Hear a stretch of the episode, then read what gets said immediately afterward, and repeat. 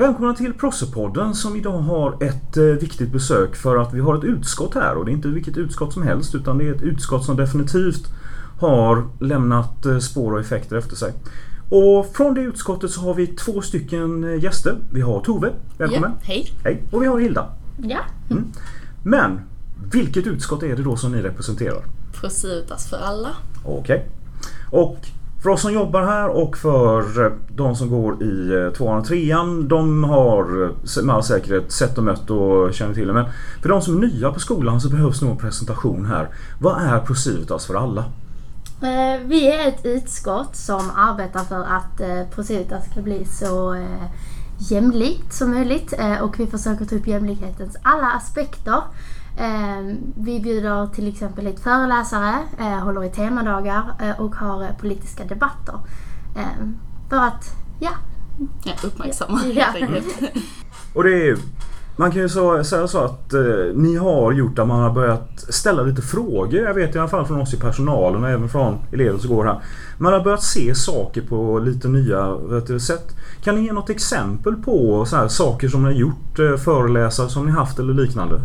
Ja, vi har haft eh, Navid som är en samtalsaktivist. Eh, som är en väldigt, mycket, alltså väldigt intressant eh, föreläsare.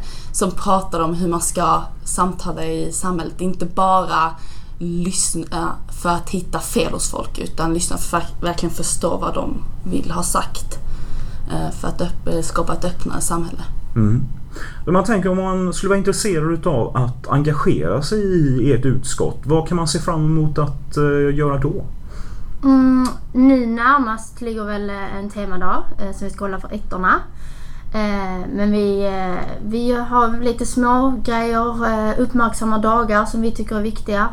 Eh, nu i oktober ska vi uppmärksamma eh, internationella kommutan Eh, och lite ifrågasätta den, varför den behövs eh, och lite så. så ja. Mm. Men det, är, det finns alltså återkommande sådana här saker och eh, det är ju så att är man intresserad av att jobba med ert utskott så är egna, vet du, egna, egna uppslag misstänker jag är vet du, också. Ja, Ja. Men nu kan man ställa sig frågan att eh, varför behövs ett sånt här utskott? För det gör det ju men det är lika bra att vara ärlig med det. Varför behövs ett sånt utskott på eh, vår skola? För att det är en jättebra skola, men det finns såklart brister.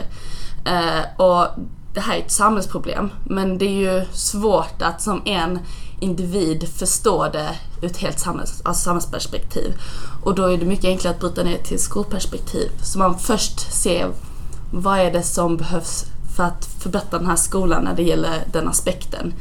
För det finns ju eh, kanske lite förutfattade meningar om folk och så här på den här skolan.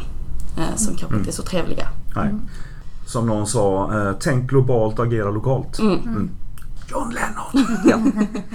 ja. Nej, för att jag håller med om det att vi, eh, vi har saker som vi har blivit bättre på och det är Procivitas för alla definitivt bidrag till. Men det är mycket vi kämpar med också med fortfarande med kanske liksom både jargonger och eh, den här bredden och öppenheten i det. Och det är ju inte alltid den här jargongen då, det är inte alltid någon menar någonting illa med det. Nej. Men att man verkligen liksom får se eller inser att det man säger påverkar personer oavsett om man inte menar det som en taskig sak. Mm. Ja, och vårt mål är ju inte att eh, det här är rätt och det här är fel. Alltså vi är inte några poliser som springer runt och berättar vad man får tycka och inte tycka. Utan vårt huvudsakliga mål är väl att börja ställa frågor. Eh, och sen finns det inte alltid svar på alla frågor. För det är, vi ställer frågor som det inte finns svar på. Men vi vill liksom att man ska börja fundera över varför är det så här och kan vi göra någonting åt det? Borde vi göra någonting åt det? Mm. Jag känner det när skolan funkar som bäst. För jag vet det var en elev som kom ut med sin homosexuella läggning i sin klass och han sa liksom att "Ja, men jag kände att det, det funkade här för här kunde jag få vara mig själv och det är inte alla som känner samma sätt men när skolan lyckas med sånt så då känner man liksom då har, då har vi verkligen bidragit till någonting positivt och vi behöver mer sånt. Ja, Mm. Så, så att eh, man kan träffa er på föreningstorget. Kan man. Absolut. Ja. Och eh, Och om man vet, vill engagera sig så kan man, eller man bara är nyfiken med så kan man komma fram och vet, prata med Ja, er där. absolut. Mm. Och vi avslutar med, har ni några så här personliga förebilder eller hjältar när det gäller det här? Mm, det finns ju väldigt många. Men jag har ju två favoriter. Den ena är Rosa Parks som är en eh, medborgarrättskämpe. Ja. Eh, väldigt cool. Och sen så har vi ju också Emmeline Pankhurst som var den första suffragetten som eh, kämpade för kvinnors rösträtt i England. Där har du ju med vet du, Rosa Parks är ett jättebra exempel egentligen för att det var ju verkligen någonting Ja, agerade lokalt Ja, ja, men fick ett stort genomslag. exakt. Att just ställa den frågan att varför ska man sitta liksom längst bak i bussen? och det visar ju så mycket att en, liksom, en människa kan göra jättestor skillnad. Ja, men. Nej, jag har inga personliga. Du är din egen hjälte. ja, Yes. precis. Ja, men det, det är så det ska vara.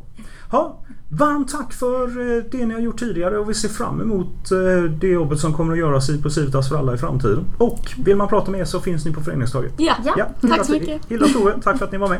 Tack. Ja.